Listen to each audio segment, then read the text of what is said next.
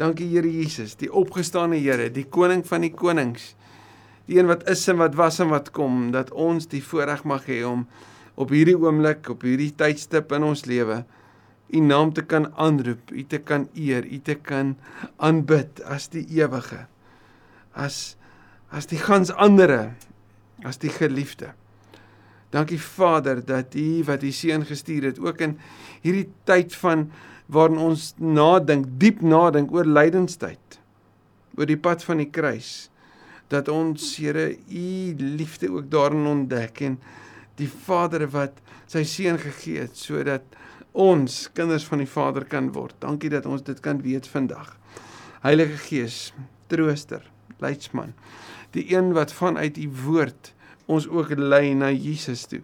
Een wat ons vanuit u woord ook lei na na u wil vir ons lewe toe. Die een wat in ons lewe teenwoordig is en aan die woord is.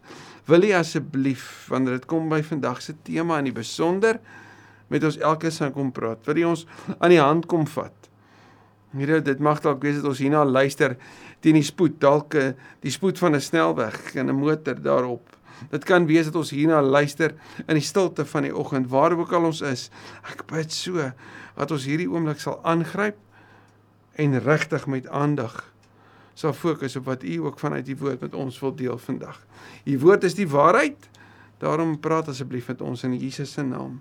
Amen. Ierland het 'n besondere rugbyspan.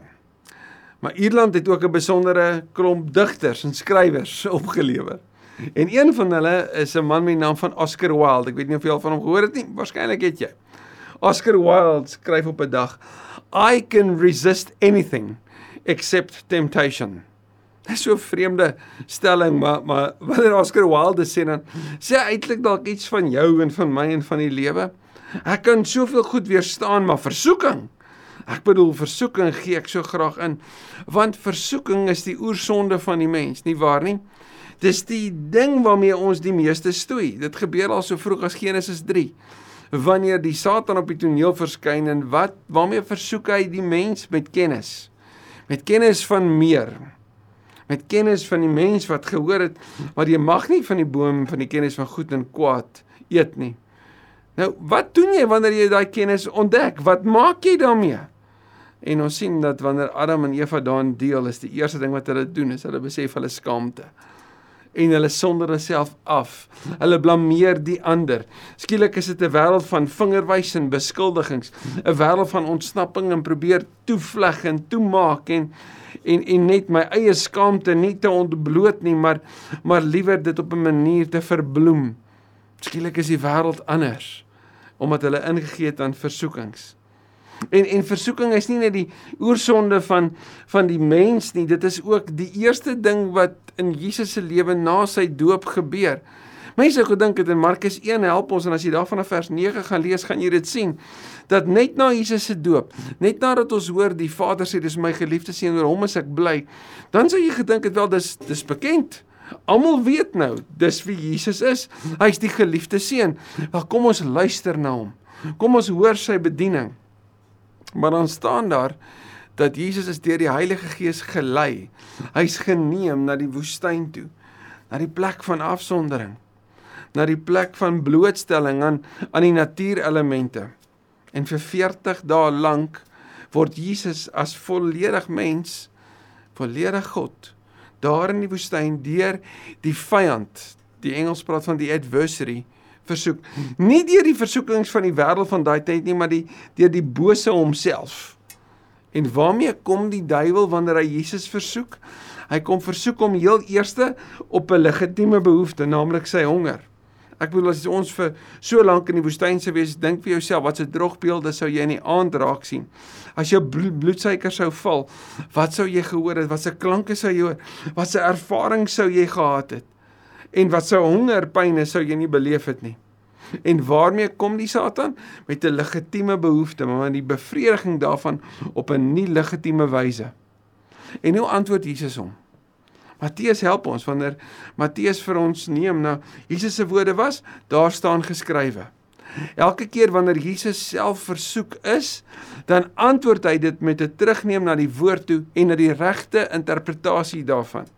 Selfs wanneer die du die duiwel die die die die woord verkeerd wil aanhaal uit die een van seker die bekendste psalms, Psalm 91. Dan herinner Jesus hom aan nee, maar daar staan geskrywe.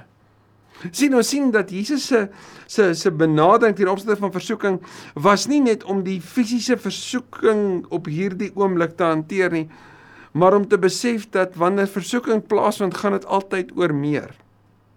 En die meer gaan oor God se wil en oor kan God vertrou word? Kan ek die Here vertrou om die legitieme behoeftes wat ek het op die regte manier vir my te bevredig? Kan ek die Here vertrou om om om dit wat ek hier binne na dryf of smag om die die gat wat ek dalk hier binne het toe te maak? Kan ek kan ek hom vertrou om dit vir my te vul? Eerder as dit waarvoor ek nou versoek word en wat ek tydelik wil gebruik vir daai bevrediging. Want sien wanneer by versoeking kom, gaan dit altyd oor meer. As die disippels in Matteus 6 na Jesus toe kom, dan sê hulle vir hom: "Here, leer ons bid." En wat is een van die 6 bedes van die Onse Vader, die gebed wat ons ook so ken? Onse Vader wat in die hemel is, laat U naam geheilig word, laat U koninkryk kom, laat U wil geskied soos in die hemel net so ook op die aarde. Gee ons vandag die brood van vandag en vergeef ons al ons sondes net soos ons ook die wat teen ons oortree vergewe. En laat ons nie in die versoeking kom nie. En die woord versoeking daar in die Grieks kan ook vertaal word met laat ons nie getoets word nie. Maar verlos ons van die bose. Want wat doen die bose? Die bose versoek, die bose verlei, die bose toets. Die bose herinner ons aan die verlede. Die bose wil ons aftrek op 'n afdraaipad, die pad van versoeking. En Jesus leer die disippels vroeg vroeg om so te bid, maar nie net in Matteus 6 wanneer hulle hom dit vra nie. Hy modelleer dit later in die tuin van Getsemane. Lukas sê vir ons daar in hoofstuk 22 dat Jesus na hulle toe draai en hy sê vir hulle: "Bid dat julle nie in die versoeking kom nie." Want sien Jesus is op daai oomblik op die grootste plek van versoeking en die versoeking op daai oomblik gaan oor baie meer as wat net voor hom is. Maar ook op soveel intense manier presies dit ook wat voor hom is, naamlik Vader, laat hierdie beker van lyding by my verbygaan. En dan hy sê daar kon stop. Maar dan nogtans nie volgens my wil nie, maar u wil. Sien hy die versoeking om sy rug te draai en uit te stap. Hy die versoeking om te sê ek kanselleer nou alles. Ek hou nou op. Ek vind my eie groepie wat saam met my stem en saam met my kan bly en ons kan mooi lief wees vir mekaar en en en en omgee en ons kan al hierdie mense vir wie ons die goeie nuus vertel dat ons kan hulle by mekaar hou net so. Maar hy het gekom om te sterf. Hy het gekom om om vryheid vir jou en my te bewerkstellig, vryspraak. Vryheid van die mag van sonde. As jy die Romeine Bybelskool saam met ons volg, dan sal jy weet dit gaan oor vryspraak, vergifnis en verzoening, die drie belangrike fees. Paulus herinner ons aan wat Jesus kom doen het en hier kom sê Lukas, maar wat bid Jesus? Bid dat jy nie in die versoeking kom nie. Matteus vertel vir ons van dieselfde gebeurtenis. En Matteus bring 'n ander hoek daarop wanneer hy daar in hoofstuk 26 vers 41 sê: "Waak en bid dat julle nie in versoeking kom nie. Die gees is gewillig, maar die vlees is swak." sien, my binnemens kan die regte goed wil doen. My binnemens kan sê, maar maar Here, U wil altyd U wil. Ek wil U in alles verheerlik. En dan op 'n verkeerde tyd wanneer ek moeg is, uitgeput is, alleen is, slegte nuus gekry het. Wanneer ek gefrustreerd is, wanneer dinge nie vir my uitwerk soos wat ek wou nie, wanneer ek so gehoop het dit sou dit sou makliker wees, daai dag wat moeilik is. Dan is hierdie swak vlees van my altyd geneig om te gryp na tydelike bevrediging. Ek het eers eendag die aanhaling gelees en ek wens jy ek kan die boek kry waar ek dit gelees het. Dit is so dik kommentaar en ek kry net nie die bladsy nie, maar ek sal weer gaan soek. En daar het gestaan the soul deprived of nourishment turns to the flesh for satisfaction. En ons sien dit in ons wêreld. Ons sien wanneer wanneer iemand in hulle verhouding met die Here verslap, is hulle geneig om te groei in die bevrediging van die vlees. Wanneer iemand begin wonder oor oor oor oor hierdie intense diep verhouding met die Here, draai hulle na ander dinge toe vir bevrediging, vir selfs selfregverdiging. So Jesus kom leer vir sy disippels, hoorie maar maar julle moet julle moet bid. Want onthou mooi, die gees is gewillig, maar die vlees is swak. En dan sterf Jesus en hy staan op en hy vaar hemel toe en die gees word uitgestort. En nou is die vraag, hierdie antieke oersonde van die mens vir wie Jesus alles betaal het, nê? Nee? om ons daarvan te bevry. Hoe het die Nuwe Testamentiese gelowiges nadat Jesus hemel toe gevaar het, hoe het hulle versoeking hanteer? Hierdie hierdie verleiding, hierdie aftrek, hierdie wanneer jy getoets word, hoe moet jy daarmee werk? En ek neem jou na 'n paar teksgedeeltes toe. Paulus skryf daaroor in 1 Korintiërs 10 vers 13. Wanneer hy vir die gemeente skryf en ek wil Korinte is 'n baie baie kosmopolitiese stad, maar dit is 'n ingewikkelde gemeente met ingewikkelde verhoudings. Hulle het dit baie moeilik vir hom gemaak. Hy het 4 briewe vir hulle geskryf. Twee waarvan ons het, maar dan twee ander ook. Een onder andere die tranebrief. Maar maar Paulus skryf vir hulle in 1 Korintiërs 10 vers 13: Geen versoeking wat meer is as wat 'n mens kan weerstaan, het julle oorval nie. Let wel, hier sê nie God gee vir jou wat jy kan hanteer nie. Jy het dit seker al gehoor, nê? Wel as God net vir ons gee wat ons kan hanteer, dan mag jy selfs aflei, maar dan het kom ons nie nodig nie. Daarom gebeur daar juist dinge in ons lewe wat voel, Here, maar ek kan nie hierdie hanteer nie. Hierdie is te groot vir my. Wel ek het hom by my wat in Matteus 11 my sê, maar kom na my toe. Julle wat uitgeput en oorlaai, hy gaan vir julle rus gee. Hy sê neem my juk op julle. So hy gaan saamtrek ook aan die juk van my lewe, né? Nee? Hy gaan saam met my wees. Maar hierdie is nie waarna Paulus verwys nie. Paulus verwys na versoekings. Hy sê daar's geen versoeking wat meer is as wat mens kan weerstaan dat jy oorval nie. God is getrou. Daai kan ons onderstreep, daai moet ons op fokus. Binne in versoeking weet dit God is getrou. Al word die teendeel vir ons geskree, al word ons afgetrek om te sê nee, maar ek kan nie op hom vertrou nie. As versoeking gaan oor meer as wat net voor my gebeur, dan moet ek dit besef. God is getrou. Hoor net mooi, hy sal nie toelaat dat jy bo jou kragte versoek word nie. As die versoeking kom, sal hy ook die uitkoms gee sodat jy dit kan weerstaan. Sjoe, Paulus, so jy sê wanneer die versoeking kom, dan moet ek my oë oop hou. Dan moet ek kyk, want een God is getrou, ek moet dit weet.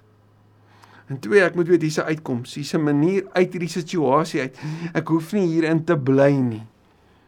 Ek leer dit by Josef. Daai jy Josef se kosbare verhaal, daar's so baie. Twee groot versoekings in in, in Josef se lewe. Josef se een versoeking was die versoeking om in dit te bly en die in dit te bly is wanneer jy in die tronk is. Wanneer jy onregverdig behandel is, wanneer jy benadeel is, wanneer jy van jou familie afgestroop is, wanneer jy onregverdig die mag oor jou lewe geneem is en jy verkoop word, daar in slawerny, gaan jy opgee of gaan jy in dit bly? Gaan jy vasbyt? En Josef het die versoeking weerstaan om uitkomste soek. Hy het by die Here gebly al was hy die enigste gelowige in Egipte. Hy het vasgebyt en al was hy twee keer onregverdig in die tronk geplaas, was die tronk juist die plek, daar op die laagste plek in sy lewe wat die Here gebruik het tot die verheerliking van sy naam en tot die bevryding van Josef. En die ander kant, Josef het besluit om in te bly. Aan die ander kant het Josef die versoeking om in te bly weer weerstaan deur uit te kom.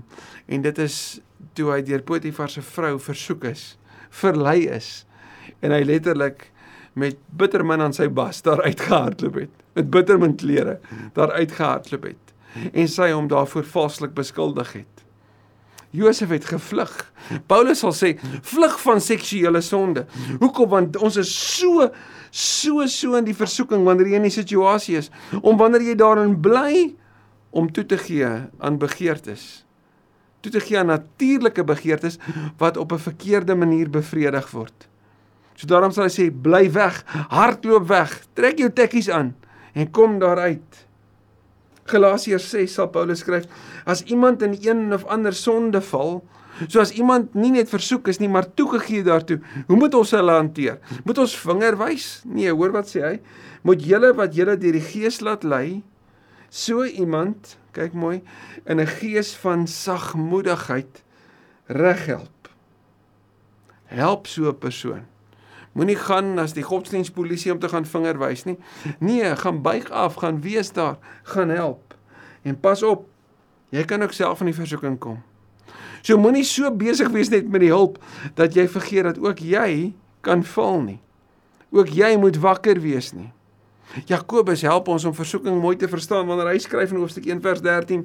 Iemand wat in versoeking kom moet nooit sê ek word deur God versoek nie. Ek kan nie die blame op hom plaas nie, want God verlei kan nie verlei word nie en self verlei hy niemand nie. Maar wat gemaak as versoeking oor my kom? Want dis 'n daaglikse realiteit nie waar nie? Versoeking is amper soos fietsry. Hulle sê as jy fietsry kan jy een van twee dinge weet, of jy het al geval of jy gaan val. Versoeking kan ek en jy weet, dit het al gekom en dit kom weer. Dit kom gereeld. Dit kom so uit ons blinde kolle. Ons sien dit soms nie raak nie en ander kere is dit soos 'n trein van voor af. Jy kan dit baie duidelik sien. Hoe maak ons daarmee? Al die Hebreërs skrywer het twee baie besondere verwysings na Jesus wat jou en my help in versoeking. Hebreërs 2 vers 18 sê omdat hy self versoek was. Nou, ons het dit mos net nou gesien daai uit Markus, Matteus. Omdat hy self versoek was en gelei het, kan hy die help wat versoek word.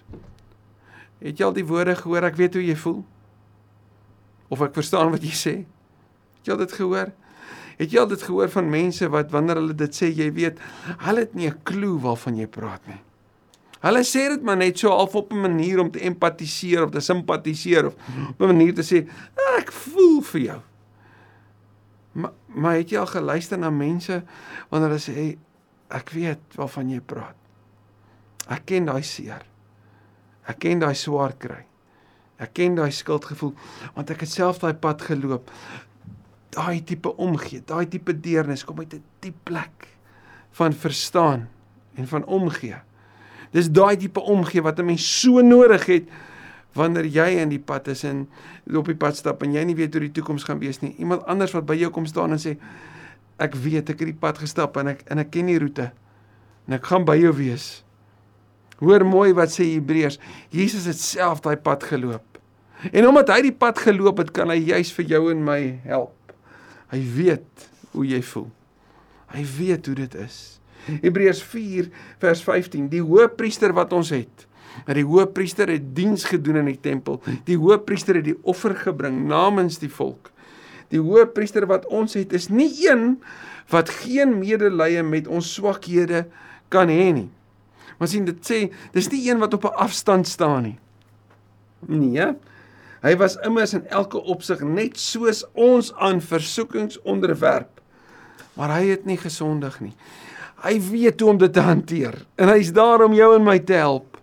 Hy's daar om saam met ons te wees. Sien versoeking kan ons sterk maak. Versoeking is nie net iets om te vermy nie. Versoeking is iets wat ek kan verwag en dit kan ons sterk maak. Mark Gully skryf in sy boek Jesus Meanwhile die volgende: He is instead a God who is in control of history and is in control of our lives. Indeed, he is gentle, merciful, and kind.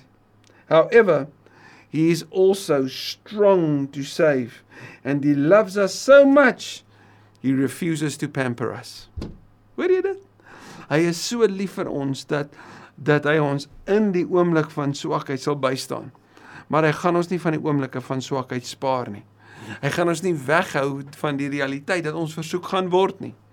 Jakobus sê wanneer ons versoek word en jy die versoeking weerstaan, dan gee dit aan jou die oorwinningsprys. So daar's iets mooi in die vasbyt van die ongemak van versoekings. In die verleiding van versoekings. Daar's iets wat sê dat as ek dit deurgemaak het, ek was daar, ek het opgedag, ek het dit beleef, maar ek's aan die ander kant uit. Dit is pragtig wat met jou gebeur. So hier's die vraag, hoe doen ons dit? Wel versoeking, as ek op die S kan fokus. Gee vir jou my 3 S'e. Ek wil met ons 3 S'e deel vandag. Wat ons kan doen as versoeking kom. Die eerste belangrike, stop. Stop. Voordat jy daai webwerf oopmaak. Voordat jy daai e-mail oopmaak. Voordat jy daai video kyk, stop. En besef dat dit wat hier voor jou is, is 'n versoeking, maar dit gaan oor meer as wat net voor jou is. Dit gaan oor kan ek God vertrou? Onthou jy van Nathan toe hy met Dawid gepraat het oor Batsheba? Toe sê hy vir hom Maar die Here sou jou voorsien het as jy net na hom gedraai het. Hoekom het jy gegryp na dit waarvoor jy moes wag? Hoekom het jy iets joune gemaak wat nie joune was nie, net omdat jy ingegee het op 'n impuls? Die impulse kom. Dit tref jou en my. So stop. Stop, observeer. En besef, dit gaan oor meer. Haal diep asem en kyk oor wat voor jou afspeel. Die tweede belangrike, soek. As Paulus vir die Korinte gemeente sê, God gaan die uitkoms gee. Soek na die wil van die Here wat vir jou beswil is in hierdie omstandighede. God se beswil is nie daarom jou jou pret te bederf nie. Dis nie daarom jou af te trek nie. God se beswil is soos Johannes 10 sê, om vir jou lewe te gee en dit in oorvloed. Wat kom doen die Satan? Hy kom steel, slag en uitroei. Wat kom doen Jesus? Hy kom gee lewe en dit in oorvloed. Jy so soek die lewe. Soek die uitkoms soek die wil van die Here, soek wat hy in sy woord vir jou hieroor leer, soek sy vrede. Dink vir jouself, as God hier by my was en hy is, hoe sou ek nou gemaak het? Sou ek weggekom het? Sou ek nie daai boodskap gestuur het nie? Sou ek nie die storie aangedee weet aange gee het vir die volgende persoon om net verder te versprei nie? Wat sou ek doen in daai versoeking met die weet dat hy by my is? So, stop, soek Die derde sê sê vir die Here ek het U nodig. Sê vir hom ek sien wat voor my is. Sê vir die leuen wat die waarheid is. Soos wat Jesus gedoen het wanneer hy die woord aanhaal, daar staan geskrywe. Sê die waarheid vir die leuen. Spreek dit aan. Sê vir jouself ek sal op die Here vertrou. Ek gaan nie hierop vertrou nie. Die Here sal vir my voorsien. Die Here sal my dra ook hierdeur. Ek gaan nie val vir tydelike versoeking, vir tydelike uitkoms, vir tydelike vertroue op mense wat my gaan teleurstel nie. Ek gaan net op die Here vertrou. So stop. Tweede belangrike is soek en sê. En so gaan ek en jy leer om te beweeg. So as versoeking kom, geliefde in die Here, staan vas. En Paulus sê, ehm um, of wat skies Jakobus sê, gelukkig is die mens wat in versoeking standvastig bly. Moenie val vir enige nuwe golf van versoeking wat oorkom nie. Enige nuwe neiging of gier nie. Bly op die regte pad, bly by die Here. Stry moedig. Ons is nie bedoel om weg te hardloop die hele liewe tyd nie. So staan ook daar binne 1 Johannes 4 sê, hy wat in my is, is groter as hy wat in die wêreld is. Hy's groter as hierdie versoeking. Hierdie is 'n tydelike ding wat kan kom en kan gaan en dan is dit verby. Maar by hom sal ek vir altyd bly. Maar as dit nodig is, kom weg. As jy weet hierdie situasie is gevaarlik vir jou, as jy weet jy's blootgestel, as jy weet as jy nou 'n tree nader gee, dan gaan daar iets tussen jou en daai persoon gebeur. Kom weg. As jy weet dat daar as as jy die glas sou neem en nog 'n slukkie sou neem of 'n sluk sou neem, dan weet jy wat daarna sou gebeur. Kom weg. Moenie daarheen gaan nie. As jy verby daai winkel stap wat jy weet jy moet vanaf weg bly. Want dis die begin daarvan. Kom weg. Moenie versoekings in jou huis intrek en dit daar hê nie, want dan maak jy dit vir jouself moeilik. Kom weg. Maar onthou, saam is ons beter. Sien wanneer die prediker skryf in hoofstuk 4 sê twee vaar beter as een, beteken dit ek en jy het 'n geloofsmaat nodig op ons pad. Iemand voor wie ek aanspreeklik is. Iemand te wie ek kan bel en kan sê bid nou saam met my, want dit is nou rof vir my. Ek stoei, ek voel alleen. Ek het nodig dat iemand saam met my sal sal sal stoei hierteen. As ek aanspreeklik is, dan het ek nodig om op 'n gereelde basis dalk het ek 'n selgroep of 'n omkeergroep of 'n 'n 'n bedieningsgroep, maar iemand wat vir my vrou, hoe gaan dit met jou verhouding met die Here en hoe gaan dit met jou uitlewing van jou geloof? Waarvoor kan ek vir jou bid en waarmee stoei jy? Waarmee sukkel jy? Miskien is daai ruimtes van veiligheid wat vir jou en my moedig maak om in versoeking te weet gaan oor baie meer as net hierdie. Dit gaan oor oor baie meer as net oor hierdie oomblik. En eers in die baie nabye toekoms gaan iemand my vra, "Hoe het jy hierdie hanteer?" En dan moet ek kan sê, dan moet ek kan deel. Ons leef daagliks in 'n tweestryd. Tussen die weg van God en die geplaveide weg van versoeking wat op soveel maniere kom lê en vir jou en my wil aftrek van die Here af met slegte vrae soos maar het die Here regtig dit gesê? Gaan die Here dit regtig doen? Kan jy nie maar net hierdie so doen nie? Weet jy wat is een van die gunsteling versoekings van die duiwel? Sy eerste woorde: "Man, almal doen dit. Almal doen dit." En sodra jy toegegee daarvoor, ingegee daarvoor, dan sê hy: "Kyk wat het jy gedoen." Dan herinner jy hy jou aan jou verlede die heeltyd. Terwyl die almal doen dit, die gemaklike versoeking is van mag maar deel maar net man. Is dit regtig so? Kan jy regtig die Here vertrou? En dan na die tyd, sy sê jy het nie die Here vertrou nie. Jy was ongetrou. Jy verdien nie om te kan getuig nie of vir iemand iets te kan beteken nie. sien dis die belangrike van hoe en ek en jy moet onthou, ons moet wakker wees. En dit so ook sien. Ons is altyd in die versoeking om selfregverdigend te wees. Om te sê ja, maar ek kon nie help nie. Dit het met my gebeur. Ek het dan my beste probeer. Jy sien, is eintlik daai persoon se skuld is altyd in die versoeking. Ek het nodig om dit te erken. En vandag kan ek kies vir die lewe. Vandag kan ek wegdraai. So kom ek sluit af met hierdie storie. Dis nie net 'n storie dis navorsing en jy kan dit gaan gaan navors op op YouTube as jy die skakel wil hê sal ek dit vir jou wys. Ek sê jy kan dit gaan navors, jy kan na die navorsing gaan kyk. Jare gelede, ek dink dit was in die 50s, was was daar 'n toets gedoen op rotte en hulle het rotte in isolasie geplaas en en hulle twee houers water vir die rotte gegee. Die een met 'n afhanklikheidssubstans in, ek dink dit was morfine en die ander een met gewone water. En die geïsoleerde rot het elke keer teruggegaan na die morfine toe. Soveel sodat hulle hulle self tot die dood toe gedrink het. Hulle het al hoe meer dosisse gevat. As ek dit reg het, was daar 'n ander toets gewees waar hulle 'n rot gekoppel het met morfine en 'n skakelaar waar die rot kon gaan optrap. En as die rot gesien het as hy op 'n trap dan dan is daar 'n dosis 'n gevoel van 'n nuwe morfine wat ingekom het. Dit is amper soos die die knoppies wat jy kan druk as jy vir 'n operasie was, nê? Nee? En die rot het hulle self letterlik doodgedruk omdat hulle meer en meer daarvan wou hê. Toe kom 'n navorser en en hy gaan kyk daarna. Sy naam was Bruce Alexander.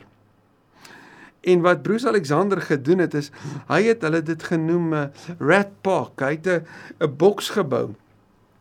En hy het dit vir die rotte verskriklik aantreklik gemaak daar binne. Daar was ander rotte en hulle is vreeslike sosiale diere, nê? So daar was ander rotte wat saam saam wie jy kon assosieer. Daar was speelplek gewees en daar was kos om te eet en daar was twee tipes water een met 'n dwelm in en een wat gewone water het. En weet julle wat het gebeur? Presies die teenoorgestelde. Toe daar 'n veilige ruimte van omgee en deernis was, toe die rotte die regte water gedrink. Die rotte het hulle self omsingel in 'n gesonde omgewing en hulle kon die versoeking van die dwelm weerstaan. Toe hulle die van die rotte neem wat wat hulle oorgegee het aan die dwelms in isolasie en hulle tussen die ander rotte geplaas het, toe daai selfde rotte ook die dwelmwater vermy en die gesonde water gedrink. Wat sê dit vir jou en my oor versoekings? As ek beweeg na 'n ruimte van liefde en verhouding met God, gaan ek verstaan dat ek geliefd is, dat hy vir my omgee en daarom gaan ek nee sê vir die sonde en die versoeking. As ek deel is van 'n gemeenskap wat vir my goed is en wat vir my bid en wat vir my lief is en wat vir my omgee, wat my met sagmoedigheid ophelp en reghelp, gaan ek nee kan sê vir die versoekings. As jy ingegee het. Wel daar's vandag vir jou 'n nuwe kans. Jy kan bely. Jy kan skoon kom. Jy kan nuut leef. Ek en jy kan vandag sê versoekings ek's klaar met jou. Ek gaan die pad van Jesus stap. Kom ons bid saam. Hemelse Here. U ken my storie. Jy ken my swakpunte. Ag, jy weet wat ek aanvang as ek in isolasie is. Hoe ek so maklik ingee vir versoekings op my eie. Hoe ek hierdie eensaamheid probeer vul deur myself te bind aan iets anders as aan gesonde gewoontes, gesonde gemeente, gemeenskap, gesonde gemeenskap met U.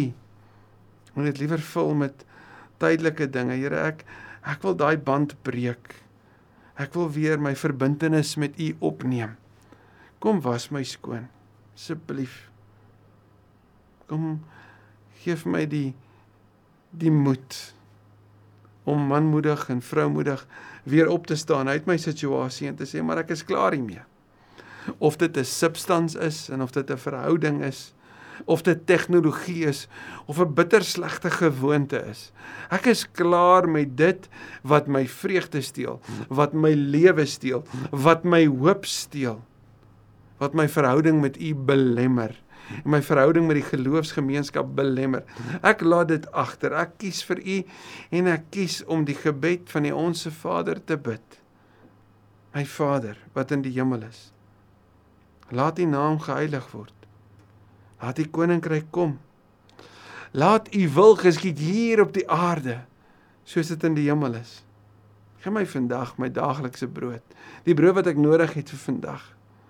En vergewe my asseblief al my sondes. Net soos wat ek ook kies om hulle vry te spreek en te vergewe wat teen my sonde gedoen het.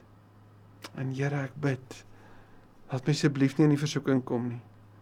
Lei my asseblief op die regte pad tot eer van U naam en verlos my van die bose. Die bose wat my so toets. Hou my op die pad saam met U. Want Here, dis waar aan U behoort die koninkryk, die krag en die heerlikheid tot in ewigheid. Amen. Amen.